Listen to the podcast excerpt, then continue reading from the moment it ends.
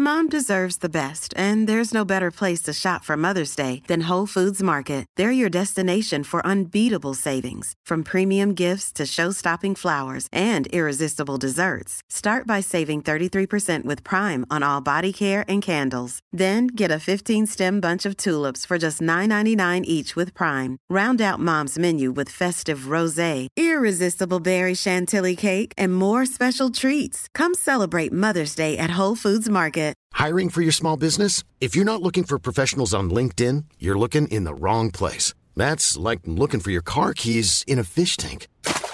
LinkedIn helps you hire professionals you can't find anywhere else, even those who aren't actively searching for a new job but might be open to the perfect role. In a given month, over 70% of LinkedIn users don't even visit other leading job sites. So start looking in the right place. With LinkedIn, you can hire professionals like a professional. Post your free job on linkedin.com slash people today. Ryan Reynolds here from Mint Mobile. With the price of just about everything going up during inflation, we thought we'd bring our prices down. So to help us, we brought in a reverse auctioneer, which is apparently a thing. Mint Mobile unlimited premium wireless. Ready to get 30, 30, bit to get 30, bit to get 20, 20, 20, bit to get 20, 20, bit to get 15, 15, 15, 15 just 15 bucks a month. So, Give it a try at mintmobile.com slash switch. $45 upfront for three months plus taxes and fees. Promo rate for new customers for limited time. Unlimited more than 40 gigabytes per month. Slows. Full terms at mintmobile.com. Lena Bengtsson Ybelacker är född i Lund 1973 och började spela handboll i Uppsala. Vid återkomsten till lärdomsstaden under gymnasiet började hon spela i Lugi och gjorde sen karriär i Eslöv och framförallt Sävehof. Efter skytteliga vinst med 225 mål på 29 matcher och ett SM-guld fick spelarkarriären avslutas i förtid efter att hon diagnostiserats med MS. I det här avsnittet av Lunds stolthet pratar vi om alternativmedicin, kampen mot det egna immunförsvaret och en landskamp under FN-beskydd. Det här är Lunds stolthet.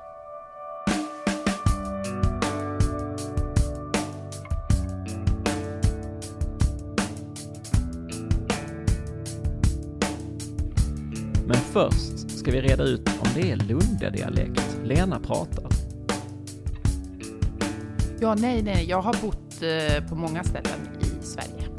Så att eh, efter Lund så eh, flyttade min familj till Florida några månader eller ett år.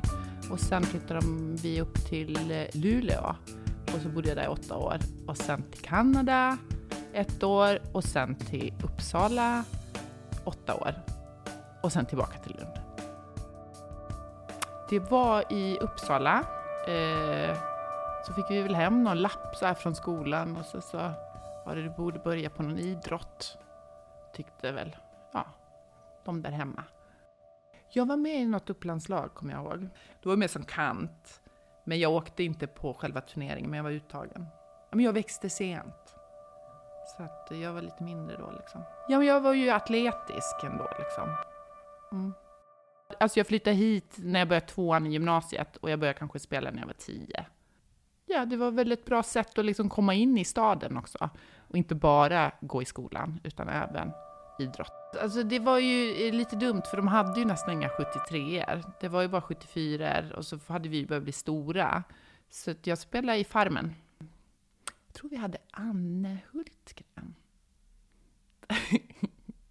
Hon är ju superkänd, Lugi eh, kvinna, eller hur? Mm, jag tror vi hade en. Och sen hade vi Jörgen lite också, Jörgen Larsson. Mm. Ja, hon jobbade ju på kansliet, så att alla hade ju kontakt med henne. Så, ja, nästan direkt så började jag bli tränare där, för 76-tjejerna.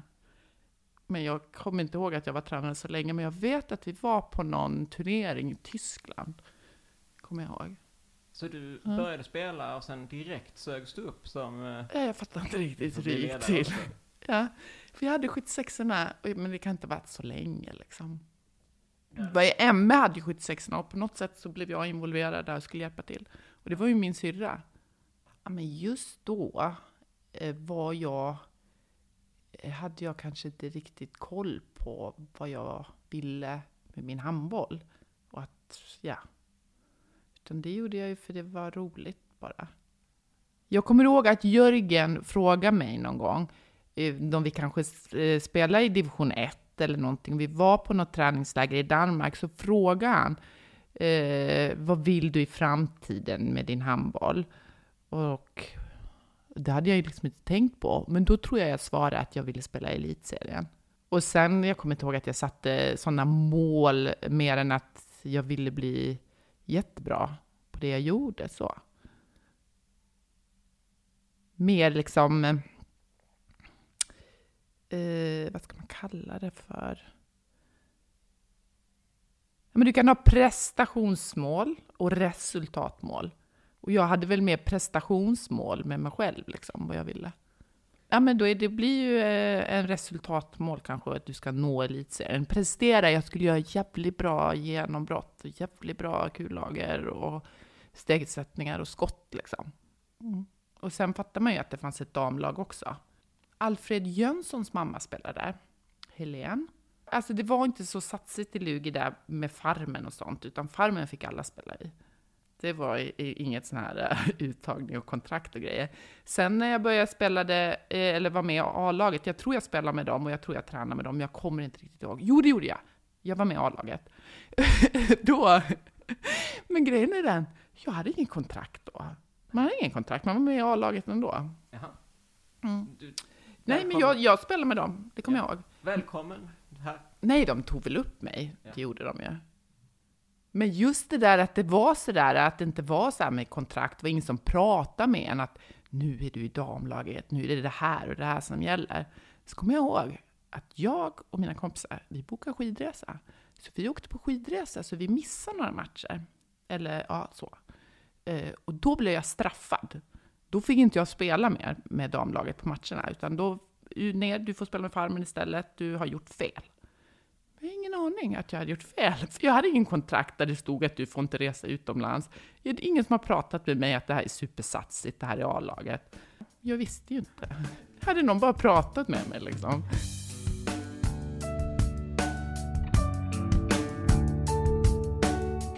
Något jag tyckte var roligt med idrottshallen och som jag inte hade haft förut när jag spelade i Uppsala. Det här är inte så mycket när jag spelar, men det var det här att gå på match i idrottshallen och kolla på när Lugi herr spelade var ju lite häftigt. Så. Lugi dam, när vi spelade, eh, har jag inte så mycket minnen av. Jag tror inte det var jättemycket publik då heller, vi var i division 1. Det var inte fullsatt hall och så. Men jag tyckte det var roligt att vara med i Lugi-klubben så. Att det var mycket. Så, och jag kommer ihåg, eh, vi hade fester och så med Ligu också. Ligu-farmen hade fest och så. Och det var fester där på Lilla Nygatan. Jag träffade Paul på Lilla Nygatan. På fest. Lugifest. Lugifest. Så, ja.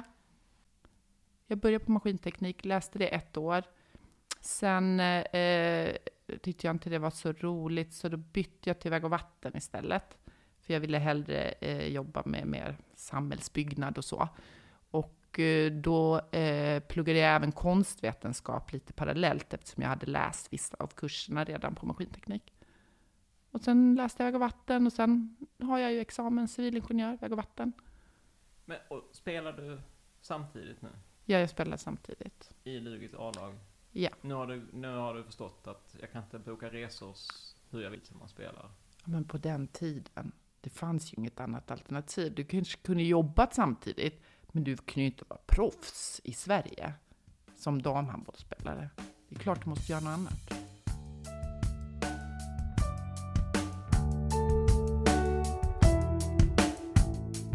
Nej, men jag spelade ju Lugis A-lag och jag kommer inte ihåg hur länge, men sen blev jag värvad till Eslöv. Så att när de gick upp i elitserien blev jag värvad. Så då spelade jag med Eslöv ett år. Men hur och, kom det sig att du blev värvad till Eslöv? Ja, det måste ha gått ganska bra i Lugi, tror jag. ja, uppenbarligen. Ja. ja. Men jag kommer inte ihåg riktigt just den tiden i Lugis damlag. Det var jättespännande och roligt. Jag var ju eh, ihop med Paul i Blacke då. Och eh, han blev ju värvad till Frölunda. Han spelade i Lugis herrlag. Så han flyttade upp ett år innan mig till Göteborg. Och eh, så var det lite jobbigt att, att bo långt ifrån varandra. Eh, så när han blev värvad sen till Sävehof från Frölunda så snackade han med dem. Så då värvade Sävehof mig också eh, från Eslöv. Så då flyttade jag till Göteborg. Eh, nej, men det är jättebra spelare. Eh, Tuija Pasanen är där och de har Daiva som de har värvat från något baltland.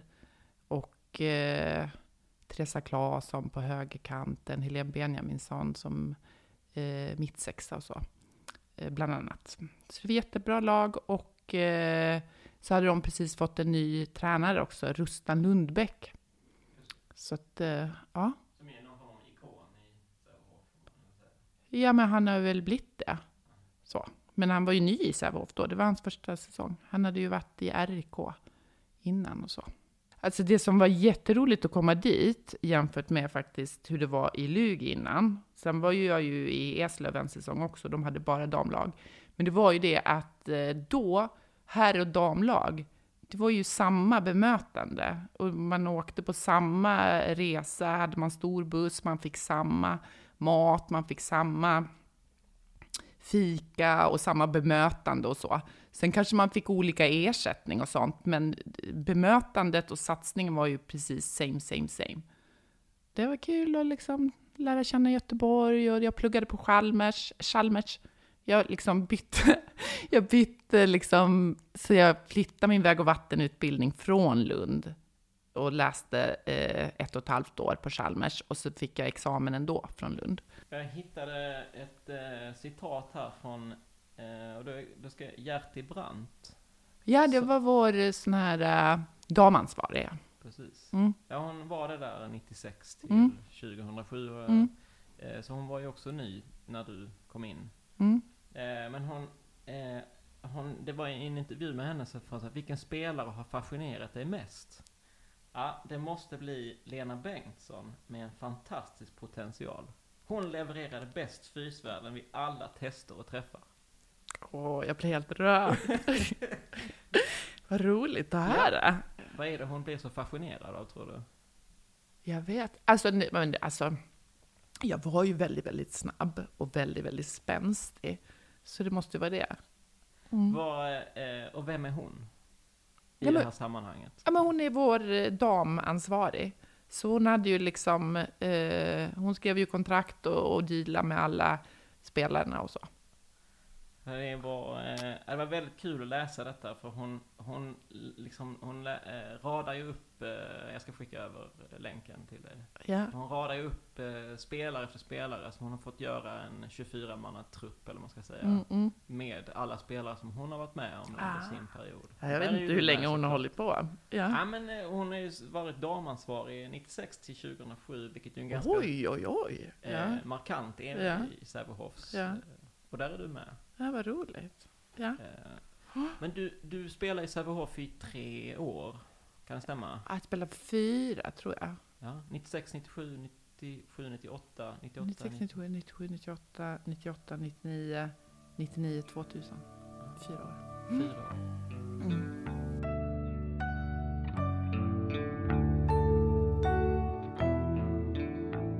Det blev annorlunda i Sävehof tycker jag med Rustan. Att det var väldigt tydligt eh, det här spelsystemet vi skulle köra på. Och eh, han snackade också om eh, såna här, jag kommer inte ihåg om det var ninjakrigare eller om det kallades något annat. Att man skulle liksom gå in i sin situation och då var man bara där liksom. Du ska inte tänka på vad som kan hända sen eller vad som har hänt, utan gör ditt bästa här och nu. Och sen liksom, blev det fel, eller liksom du inte gjorde mål, så ska du inte visa det heller, utan vi ska vara iskalla ninjakrigare. Sånt.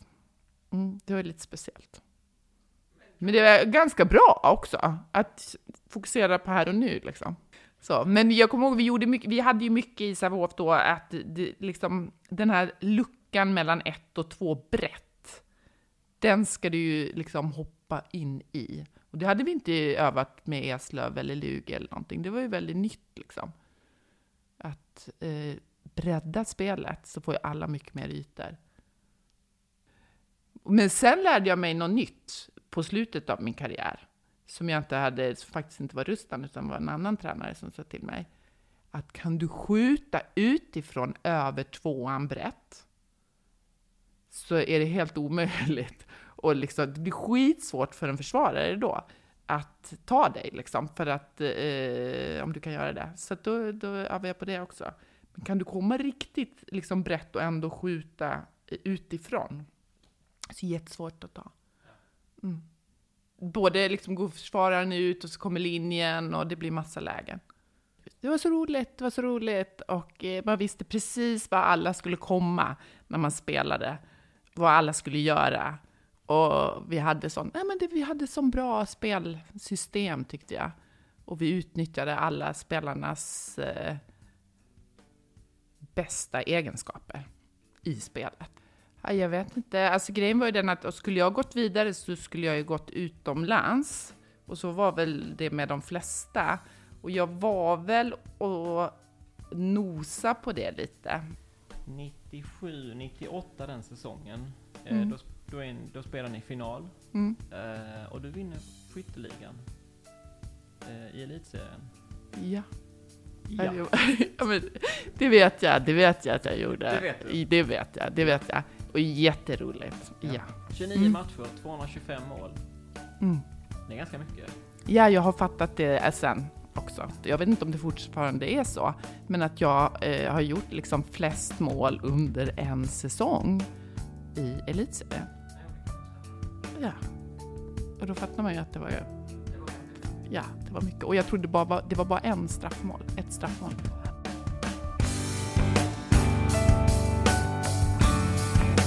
I alla fall när jag, jag var inte med i början av åren när jag var med i Sävehof, utan det var väl med på slutet. Jag, inte första året i alla fall, var jag inte med i landslaget. Men när jag var med var det inga mästerskap, utan det var kval. Alltså då tänkte man att alla andra landslag var så himla bra och de är så duktiga utomlands. Så. Alltså, vi hade ju inte kommit upp i den nivån då. Och jag vet inte riktigt vad det beror på. Men jag tycker ändå, vi var, jag tycker ju själv att vi var jätteduktiga på klubbnivå, men de var väl ännu bättre utomlands då. Men den har ju ändå tagit mig utomlands. Det har ju varit roligt.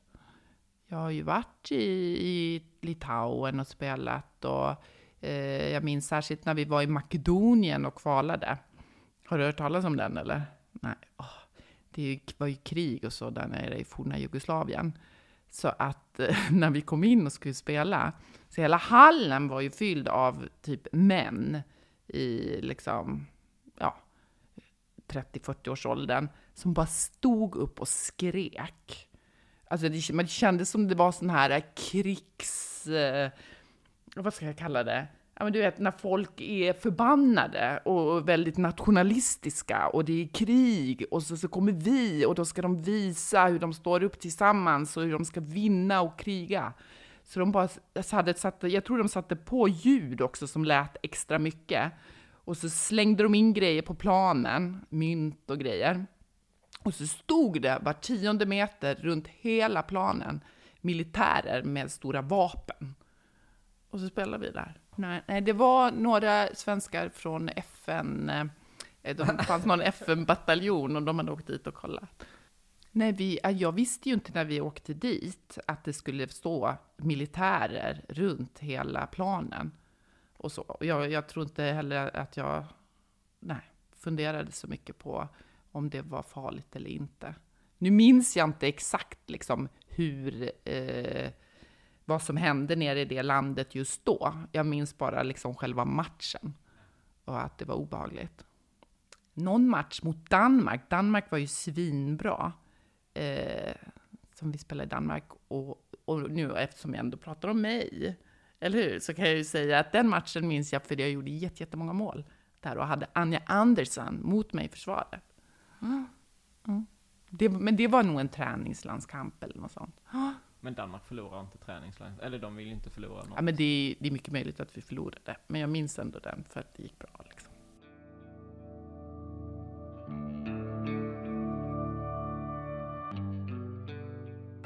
Det går jättebra. Eh, Vi ligger ju i topp och det är någon säsong vi typ förlorar inte en seriematch känns det som. Eh, Men sen så fort det blir slutspel så har vi lite svårare. Så vi vinner ju serieguld, eh, men eh, vi åker ut i slutspelet, typ semifinal och final och sånt. Ja, för tittar man på finalen där så ni, ni är ju i final, jag tror det två eller tre gånger i alla fall. Ja. Men förlorar. Ja, så att det var, det var, jättekul eh, med alla säsonger, men vi fick liksom inte kröna det. Eller jag fick inte det med det här slutliga SM-guldet. Jo, vi vann sista året. Men, men, jo, jo, jo, men tyvärr var inte jag med på de matcherna, för jag fick ju, eh, jag fick ju MS, jag fick skov. Ja, jag fick eh, dubbelseende. Jag kommer ihåg jag cyklade, jag tror jag skulle till träningen. Så helt plötsligt bara, men varför ser jag två trafikljus? Vad är det här? Och eh, då, eh, jag kommer inte ihåg om jag pratade med någon, eh, med min tränare och så fixade han så jag fick komma till någon ögonläkare som kollade på mig, som skickade mig till neurologen. Så gjorde de ju sån här eh, magnetkameraundersökning och tog någon slags ryggmärgsprov. Så då kunde de se att eh, du har alla symptom för att eh, det ska vara MS. Men för att du ska få diagnosen måste du få ett till skov. Så. När man säger skov, vad är det? Är att man får en inflammation i hjärnan då, eh, som gör att man får någon slags funktionsnedsättning. Och i det här fallet så blev det dubbelseende. Ja. Och, och detta var mitt under säsongen, Det var under slutspelet. under slutspelet. Mm. Mm, det var därför jag inte var med sista matcherna i slutspelet. Jag tror jag var med i början på slutspelet, så vi skulle åka och kanske eh, träna inför någon semifinal eller någonting, när det hände. Och sen, vad, vad, vad hände sen? Sen fortsätter jag spela handboll ett år. När det här skovet läker bort. Och sen får jag igen, i, när det är slut, dags för slutspel, så får jag eh, någon slags känselbortfall i ena handen och får lite sämre koordination när jag ska liksom eh, spela handboll. Ja. Så att eh, då blir det ju konstaterat att det är MS. Hur gick tankarna då? Ja, men det var fruktansvärt. Då, alltså jag kan bara säga, det, alltså då när jag låg inne, när de kollade mig första gången, då ligger en kvinna bredvid mig, det är en öppen sal, jätte, jättedålig, jätte, jättesvag. Och så när läkaren kommer in och säger att du har MS, så säger hon så här, jag har också MS.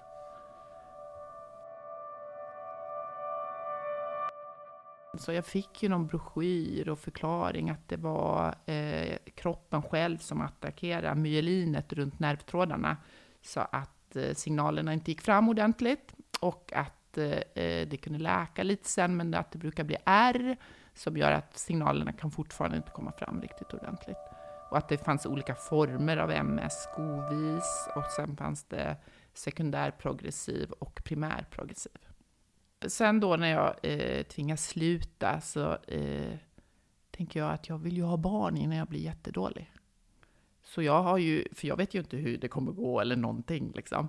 Eh, och därför vill jag ju inte börja med någon medicin heller så. Eh, för att de här bromsmedicinerna var, eh, kunde man inte ta eh, när man försökte bli gravid och det var ju sprutor man skulle ta varje vecka och så eh, med ganska kraftiga biverkningar och man visste inte riktigt hur mycket det, det bromsade egentligen. Eh, och eh, då hade jag ju, så blev jag gravid ganska snabbt. Så det var jätteroligt. Ja, det var ju fantastiskt. Ja, att det blev något annat bra istället. Och Paul fortsätter ju spela och jag är gravid och jobbar. Och sen eh, får vi ju Theo. Och sen är vi kvar eh, några månader till så vill jag flytta hem. Och så flyttar vi hem eh, till Lund efter det med en liten bebis.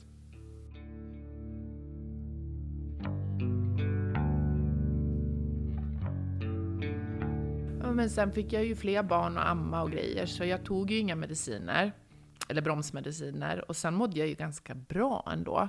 För det blev ju, alltså, jag kunde ju inte springa, eh, men jag kunde ju gå och leva som vanligt och så.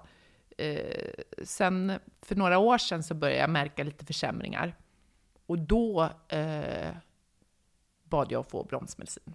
Så då började jag med eh, någon slags tabletter som heter Tequidera. Stod jag det några år. Och sen tyckte jag att det fortfarande blev lite försämringar.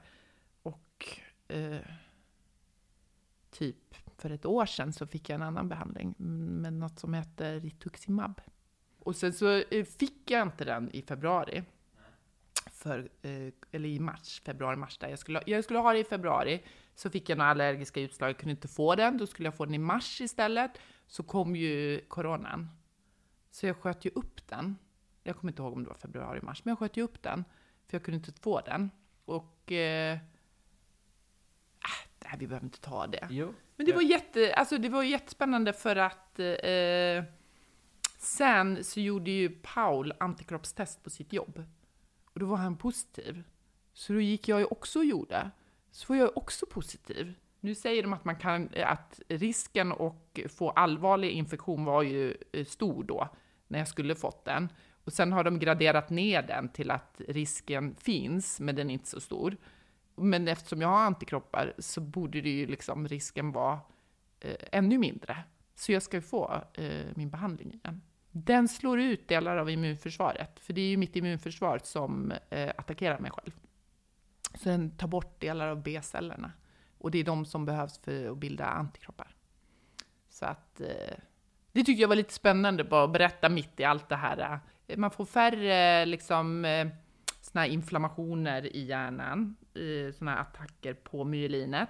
Sen är det så att min MS, det vet man inte riktigt, kan ha gått över från skovis till sekundär progressiv. Och då får man försämringar ändå, för att man liksom håller på att bli äldre och eh, hjärnan klarar inte av att eh, reproducera sig på samma sätt. Myelinet klarar inte av att reproducera sig på samma sätt.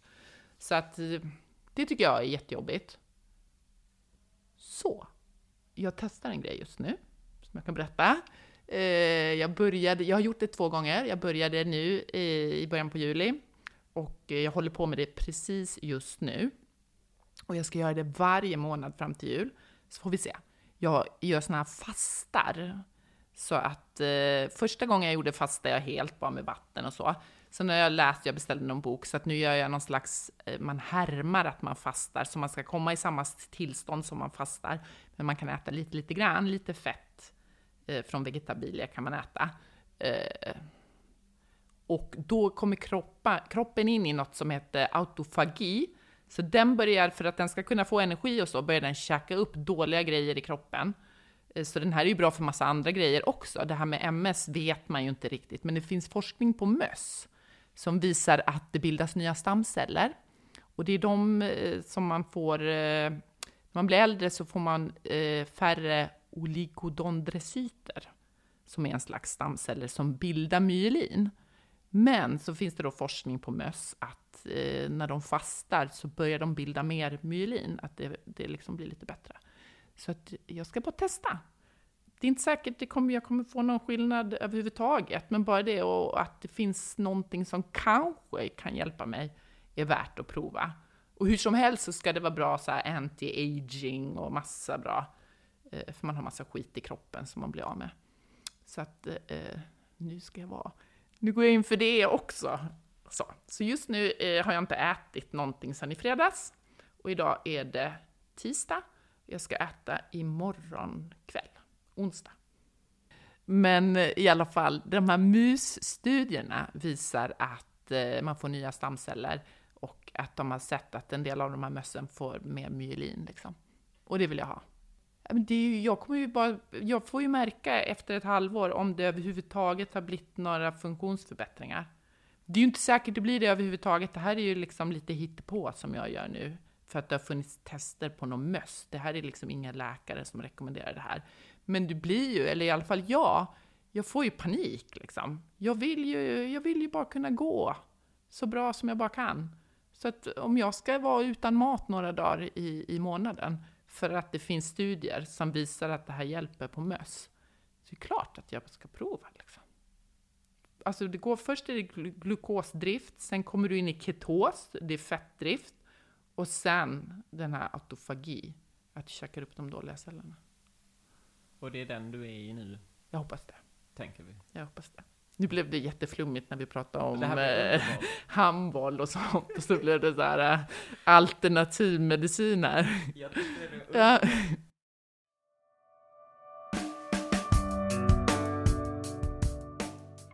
Men det, det jag har börjat med nu eh, senaste året, för jag, jag fick åka på rehabilitering, till Teneriffa med andra som var MS-sjuka, så fick jag vara där en hel månad. Det var precis med att vara på träningsläger igen.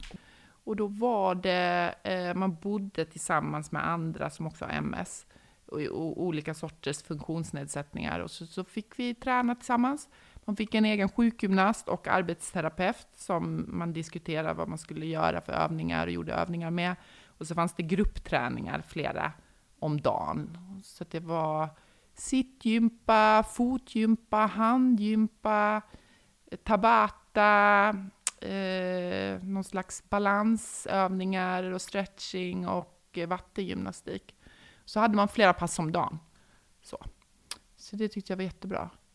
Och få lite tips på övningar och träna upp sin kropp och träffa andra eh, som är i samma situation. Så jag tränar, eh, har tränat själv, men nu sen i våras så börjar jag träna med några kompisar. Så gör vi tabata tillsammans två gånger i veckan. Så har vi gjort det i Stadsparken klockan fem på måndag och onsdagar. och nu senast har vi gjort det i min trädgård. Så jätteroligt. Så det är en halvtimme olika styrkeövningar. Så, som vi gör. Men alltså grejen är den att jag kan ju inte gå liksom. Så vi, och, och, så vi gör ju liksom inte massa stå och hoppa och så, utan det är styrkegrejer, det kan jag ju göra. Det är squats och det är armhävningar och sit-ups och lite böja benet hit och dit och så.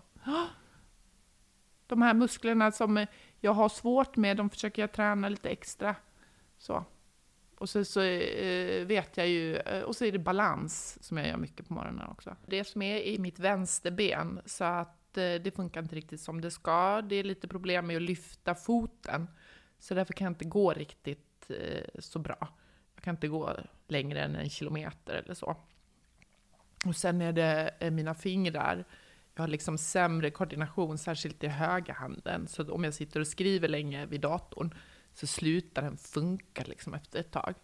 Så Var det, det den du hade skovet i också, där du tappade känslan? Det vet jag inte riktigt, för jag har tappat känslan i båda. Både min höger och vänstra hand känner jag inte riktigt. Men det jobbigaste är liksom koordinationen med dem. Liksom. Okej att jag vet att jag känner inte ordentligt med fingrarna. Då får jag känna med något annat liksom, istället, om jag ska känna om det var mjukt eller så. Uh, men det är liksom fingrarna och uh, vänsterbenet som är mina stora grejer. Men hur viktigt är det då att, att uh, du har ju, du är ju van vid att träna. Ja. Du har ju det i, du vet ju hur det funkar. Ja. Hur viktigt är det att träna idag? Det tror jag är jätteviktigt. Jag känner att det, jag känner det är roligt, jag känner mig stark nu. Sen började jag träna ändå. Så jag, ja, nej men, mm. Så att det, det, det känns... Det känns okej okay okej att inte vänsterbenet funkar så bra, men hade jag inte tränat hade det funkat ännu sämre. Och sen känns det gött att ja, men mitt högerben är, är starkt. Nej, men vad heter det nu? För jag gör olika balansövningar liksom på vänsterbenet och på högerbenet. Sen när jag gör på högerbenet, jag bara, men gud, kolla jag kan ju. Det här funkar det liksom. Mm. Och sen efter rehabiliteringen, där börjar jag liksom att jag hoppar i bassäng. Och nu liksom hoppar jag på land. Men det är med två fötter och det är inte särskilt högt, men jag hoppar ändå.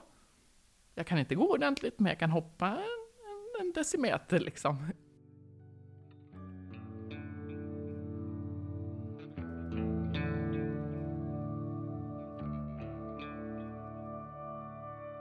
Jag vill, jag vill, eller det vill jag fortfarande inte, och det vill jag inte då, jag vill inte hamna i rullstol, det vill jag fortfarande inte. Det kanske blir så, det får vi se, men jag vill inte.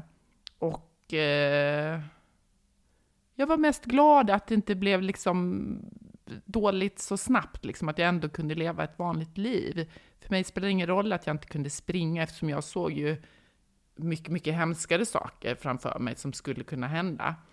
Nu när jag tänker på handboll, så det jag saknar mest är vad heter nu, känslan att ha full kontroll på din kropp.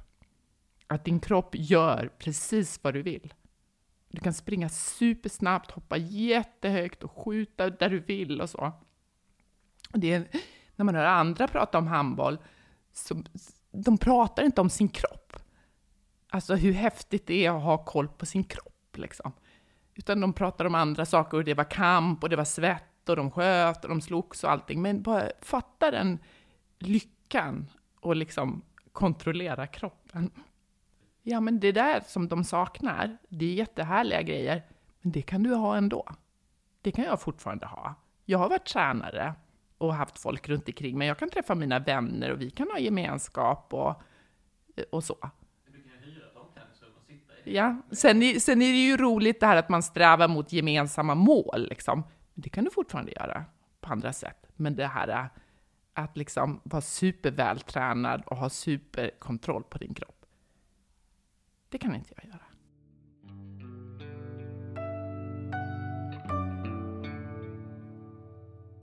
Nu är jag ju mest publik och förälder. Men sen tycker jag det är väldigt trevligt, för jag, det känns som jag ingår i ett sånt här litet handbollscommunity som vi har i Lund.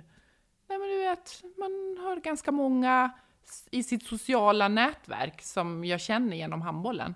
Och det tycker jag är jättetrevligt. Både nära vänner och bekanta. Så.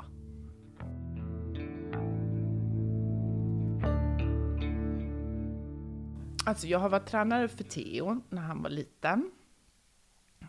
Två år kanske. Sen var jag tränare för Måns, eh, min mellankille. Då var jag tränare med Emmy igen. Eh, och sen har jag varit tränare för Ella, min dotter. Och henne har jag varit tränare längst för. Eh, och det har varit ihop med Martin Lundgren. Eh, in, inte bara Martin, det är Patrik också. Och sen har det kommit in massa nya, jättebra tränare. Så det var pojkar 01, sen var det pojkar 03 och sen flickor 06. Och för du har tre barn och alla har ju varit i handbollen Ja. på ett eller annat sätt. Ja. Och Theo spelar ju eh, i Luleås A-lag idag, Ja. eh, född 2001 då. Ja. Och sen så är det Måns. Han är född 03 och han har spelat i Lugi i, i handboll, men sen han har ju spelat fotboll parallellt. Så han har ju valt fotboll istället, så han spelar med LBK i deras U17-lag. Han är Eh, jätteduktig på fotboll också. Ja, Ja. jag har förstått det. Ja. Att han är det. Ja. Eh, men så, ni, det är ju någon form av, ni har ju, det är ju någon sporttalang här som, som, eh, som kommer eh, i- i generna här på något sätt. Eh, ja, och sen gillar vi, Paul håller ju på med sport också, så det blir ju liksom att man gärna vill att de ska testa och prova på sport. Mm, jag tror Ella har sagt det då när hon skulle börja sjuan på utvecklingssamtalet, att hon ville bli handbollsspelare eller lärare. Men jag tror att i det här flickor 06-lagen, att de pratar med varandra om att de vill bli handbollsspelare och så också. Det är inte jag som har sagt, ska du bli handbollsspelare? Jag tycker det är jätteroligt att se honom. Och jag tycker han har jätte, jättepotential och gör massa bra grejer. Och sen kan jag ju tycka att jag har massa tips också. Men eh, det är liksom, det är ju hans grej. Eh, jag kan inte hålla på och ge mina tips. Jag tror det är andra som får ge tips. Liksom. Det funkar inte eh, som mamma kommer där. Nej, nej, nej, nej. nej. Så att jag försöker att vara en god förälder och titta och bara säga så här yeah! och så. heja. Och heja och så. Det försöker jag. Mm. Men det är svårt när man kan handboll. För jag märker på min mellankille, för jag kan vara likadan mot Ella, att jag, henne har jag ju varit tränare till, då får man ju säga grejer. Men nu är jag ju inte tränare längre, då ska jag ju inte säga så mycket. Men vad heter det nu, eh, min mellankille med fotboll, det kan jag ju inte så mycket. Så när jag säger någonting till honom, så han har så himla lätt att dissa mig, avfärda ja, ja, ja. Eh, Som att vad du säger betyder ingenting, du kan inte. Det kan ju liksom inte Theo riktigt säga, liksom, du kan inte så. Även om man kanske skulle vilja ibland. Det är, det är lite jobbigt att vara så här tonårsförälder också. Med tre barn, alltså de vill inte höra sånt av mig. Liksom. Ja, kanske. Så kan det ju vara. Och sen kan det ju vara att vi är lite stöttande i det också. Att, eh, men det är klart, håll på med era idrotter nu. Sen kommer ni ändå bli, beroende på vad som händer, sen blir ni äldre och då kan ni göra annat sen. Men det är kanske nu man ska eh, satsa på sin idrott och se. För det är, ja, det är ju kul. Tack så hemskt mycket Lena Bengtsson Ybelacker Ja, för att du var här. ja tack så mycket för att jag fick vara här.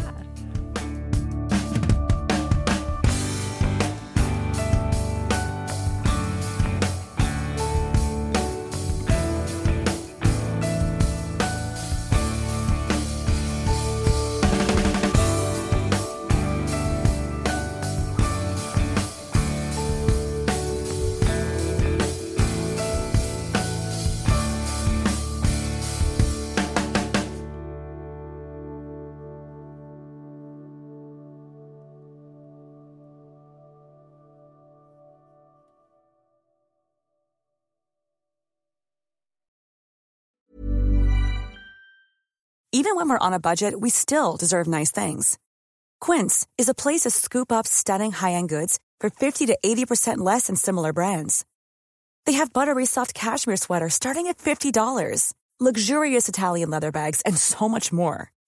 Plus, Quince only works with factories that use safe, ethical, and responsible manufacturing. Get the high-end goods you'll love without the high price tag with Quince. Go to quince.com slash style for free shipping and 365-day returns. Mom deserves the best, and there's no better place to shop for Mother's Day than Whole Foods Market. They're your destination for unbeatable savings, from premium gifts to show-stopping flowers and irresistible desserts. Start by saving 33% with Prime on all body care and candles. Then get a 15-stem bunch of tulips for just $9.99 each with Prime. Round out Mom's menu with festive rosé, irresistible berry chantilly cake, and more special treats. Come celebrate Mother's Day at Whole Foods Market. When you make decisions for your company, you look for the no brainers. If you have a lot of mailing to do, stamps.com is the ultimate no brainer. Use the stamps.com mobile app to mail everything you need to keep your business running with up to 89% off USPS and UPS. Make the same no brainer decision as over 1 million other businesses with stamps.com. Use code PROGRAM for a special offer. That's stamps.com code PROGRAM.